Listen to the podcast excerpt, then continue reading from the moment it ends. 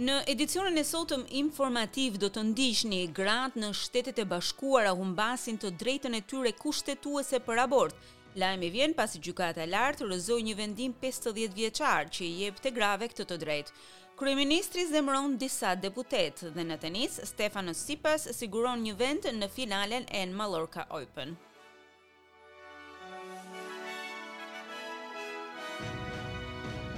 Gratë në Shtetet e Bashkuara do të humbasin të drejtën e tyre kushtetuese për abort, pasi Gjykata e Lartë e këtij vendi rrëzoi vendimin e vitit një mijë e nëntëqind e shtatëdhjetë e tre Roe kundër Wade, Një vendim që i jepte grave të drejtën absolute për një abort në tre muajt e parë të shtatzanisë.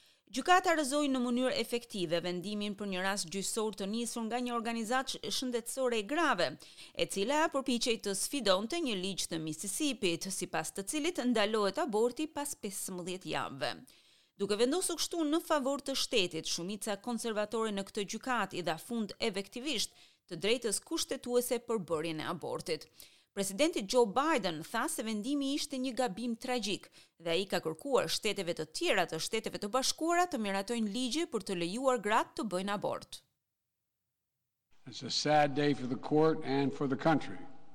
Now with Roe gone, let's be very clear. Është një ditë e trishtë për gjykatën dhe për vendin tonë. Tani që Roe nuk mund të respektohet, le të jemi shumë të qartë, shëndeti dhe jeta e grave në kombin tonë janë në rrezik. Unë besoj se Roe kundër Wade ishte vendimi i duhur, ishte një çështje e të drejtës kushtetuese, zbatim i të drejtës themelore për privatësi dhe liri në çështjet e autonomisë familjare dhe personale, tha ai. Ndërkohë, America's Planned Parenthood, e cila është organizatë e kujdesit shëndetësor që ofron aborte, tha se vlerësimi i gjykatës do të shkurtojë aksesin në abort për rreth 36 milionë gra në moshë riprodhuese. Kryetarja e Dhomës së Përfaqësuesve Nancy Pelosi tha se Partia Republikane dëshiron që aborti të ndalohet plotësisht në Shtetet e Bashkuara të Amerikës. Be aware of this, the Republicans are plotting a nationwide abortion ban. Kini kujdes. Republikanët po komplotojnë një ndalim mbarëkombëtar të abortit. Ata nuk mund të lejohen që të kenë një shumicë në Kongres për ta bërë këtë. Megjithatë, ky është qëllimi i tyre final. Vendimi i jep shteteve individuale të Shteteve të Bashkuara të Amerikës të drejtën që të miratojnë ligjet e tyre në lidhje me abortin. Trembëdhjetë prej tyre kanë miratuar të ashtuquajturat ligje të nxitjes, të cilat tani do të çojnë në një ndalim të menjëhershëm të abortit. Presidentja e Ligës Right to Life me bazë në Kaliforni, Teresa Brennan, thotë se ndihet e emocionuar me vendimin e Gjykatës së Lartë. Ajo thotë se Shtetet e Bashkuara duhet të bëjnë më shumë për të ndihmuar gratë që ndihen të detyruara të abortojnë për arsye ekonomike. E ndërkohë Dhoma e Përfaqësuesve në Shtetet e Bashkuara të Amerikës ka miratuar gjithashtu një legjislacion të rëndësishëm për sigurinë e armëve për herë të parë në tre dekada. Projektligji përfshin një sërë masash, duke përfshirë këtu edhe vlerësimin e të gjithë të rinjve që bëjnë kërkesë për marrjen e armëve, personat e dënuar me dhunë në familje e të tjerë. Duke folur kundër legjislacionit, anëtarja republikane e Kongresit Michelle Fischbach nga Minnesota nënvizoi rëndësinë e amendamentit të dytë, i cili i jep amerikanëve të drejtën për të mbajtur armë. House Republicans are committed to addressing the tragedy of these school shootings Republikanët në këtë dhomë janë të përkushtuar për të trajtuar tragjedinë e të shtënave nëpër shkolla, por nuk mund të pengojmë të drejtat kushtetuese të qytetarëve të cilët i binden ligjit. Kjo nuk është një çështje që i përket demokratëve apo republikanëve, është një çështje e asaj që ndodhet në Kushtetutën tonë, tha ajo. Ukraina ka sinjalizuar se trupat e saj po tërhiqen nga qyteti i Sjeverodonetsk, një lëvizje e cila do të ishte një pengesë shumë e rëndësishme në luftën e saj për të mposhtur forcat ruse. Disa nga luftimet më të ashpra në të gjithë pushtimin rus të Ukrainës janë zhvilluar në këtë zonë, ku betejat rrugë më rrugë kanë një muaj që janë ndezur. Beteja për qytetin është thelbësore për Rusinë, e cila kërkon të vendosë kontrollin mbi zonat e fundit të mbetura të rajonit të Luhanskut, të cilat për momentin mbahen nga Ukraina. Guvernatori i provincës, Sergej Gajdaj, thotë se trupat në Sjeverodonetsk kanë marrë tashmë urdhrin për të kaluar në pozicione të reja. Megjithatë, ai nuk tregoi nëse ata tashmë e kishin bërë një gjë të tillë apo se ku do të shkonin saktësisht. Së zhëlenj ju da. This is what we've been talking about and there's no need to talk about so called betrayal as nobody Për këtë kemi folur dhe nuk kemi nevojë që të flasim për të ashtuquajturën tradhti. Askush nuk do t'i braktisë djemtë tanë. Askush nuk do të lejojë që të ndodhë rrethimi dhe nuk do të jemi të pakujdesshëm. Situata e qëndrimit në pozicione të copëtuara për shumë muaj vetëm për hir të qëndrimit nuk ka kuptim. sepse natyrisht kjo rrit numrin e viktimave në pozicionet e pafortifikuara. Ndërkohë, presidenti i Ukrainës, Volodymyr Zelensky, ka folur në festivalin e Glastonbury në Mbretërinë e Bashkuar. Festivali më i madh i muzikës në Britani është rikthyer pas një mungese dyvjeçare për shkak të pandemisë. Presidenti Zelensky i tha turmës se veprimet e Rusisë në Ukrainë tregojnë se vendet e tjera janë gjithashtu në rrezik.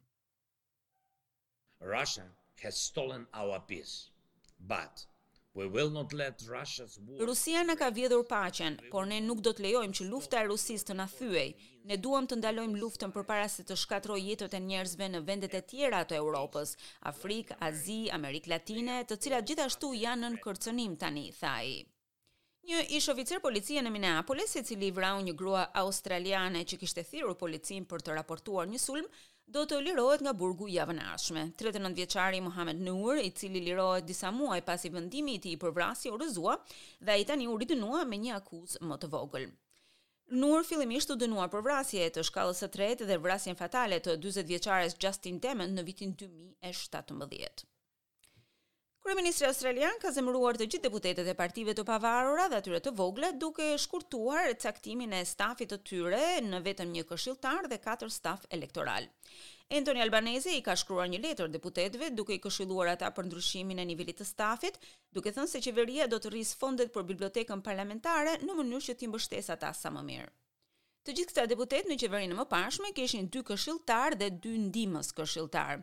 Deputetët kanë lëshuar deklarata për ta dënuar këtë veprim. Deputetja e pavarur e Kooyong, Monique Ryan, thotë se masa është një sulm ndaj aftësisë së saj për të funksionuar në mënyrë efektive dhe për të kërkuar llogari për veprimet e qeverisë.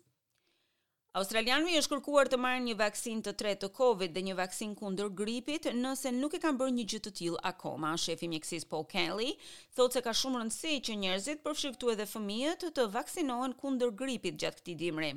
Lutja vjen pasi Victoria ka hequr shumë nga mandatet e saj të vaksinimit, duke përfshirë këtu edhe kërkesën për dozën e tretë. Victoria tani nuk i duhet më të mbajë maska brenda aeroporteve. Njerëzit që rezultojnë pozitiv me COVID-19 do të izolohen për 7 ditë, Megjithatë, mund të largohen nga shtëpia për të çuar një anëtar të familjes në punë ose në shkollë. Mjafton të qëndrojnë brenda automjetit të tyre. Zyra e Kombeve të Bashkuara për të Drejtat e Njeriut ka thënë se shqyrtimi i saj rreth vdekjes së gazetares së Al Jazeera-s, Shireen Abu Akleh, ka arritur në përfundimin se ajo u vra nga forcat izraelite të sigurisë. Gazetarja humbi jetën teksa mbulonte një operacion ushtarak izraelit në Bregun Perëndimor. Izraeli ka kohë që e ka mohuar në mënyrë të përsëritur se ajo ishte në shënjestër dhe ka pretenduar se ajo mund të ishte goditur nga të shtënat palestineze. Pesëdhjetë e një vjeçarja palestinezo-amerikane u qëllua në kokë teksa mbante një helmet dhe një jelek që tregonte se ishte anëtare e mediave. Ravina Shamsadani nga Zyra e OKB-së për të Drejtat e Njeriut tha se hetimi i saj tregoi se ajo u godit nga të shtënat izraelite. We visited the scene, we've consulted with experts and we've looked at official communications. We've interviewed people who were also on the scene. Kemi vizituar vendin e ngjarjes, jemi konsultuar me ekspertë, kemi parë komunikimet zyrtare, kemi intervistuar njerëz që ishin në vendngjarje në momentin që ajo humbi jetën. Bazuar në këtë monitorim shumë rigoroz, ne arritëm në përfundimin se të shtënat që vranë Abu Akleh erdhën nga forcat izraelite të sigurisë.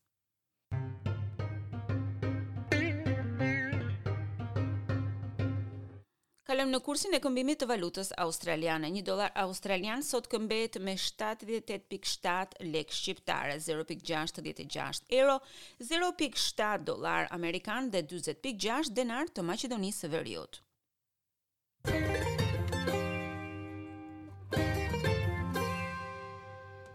Kalojmë tani në tenis. Stefanos Tsitsipas i Greqisë ka siguruar një vend në finalen e Mallorca Open me një fitore ndaj Benjamin Bonzi. Ai mundi kundërshtarin e tij francez 6-4, 6-4 për të vendosur një finale kundër fituesit të gjysmëfinales së dytë, Roberto Bautista Agut.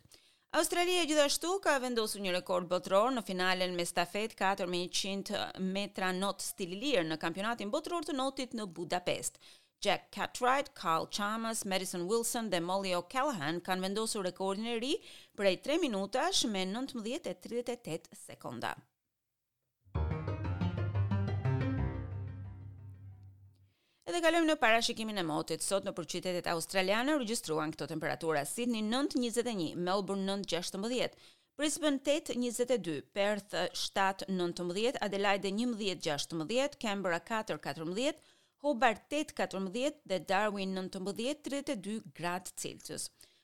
Për nesër, Byroja e Parashikimit të Motit sjell këto temperatura: Sidni tetë, njëzet, Melbourne dhjetë, katërmbëdhjetë, Brisbane tetë, njëzet e dy, Perth tetë, njëzet e tre, Adelaide njëmbëdhjetë, pesëmbëdhjetë, Kanberra zero, trembëdhjetë, Hobart shtatë, njëmbëdhjetë dhe Darwin njëzet, tridhjetë e dy gradë Celsius.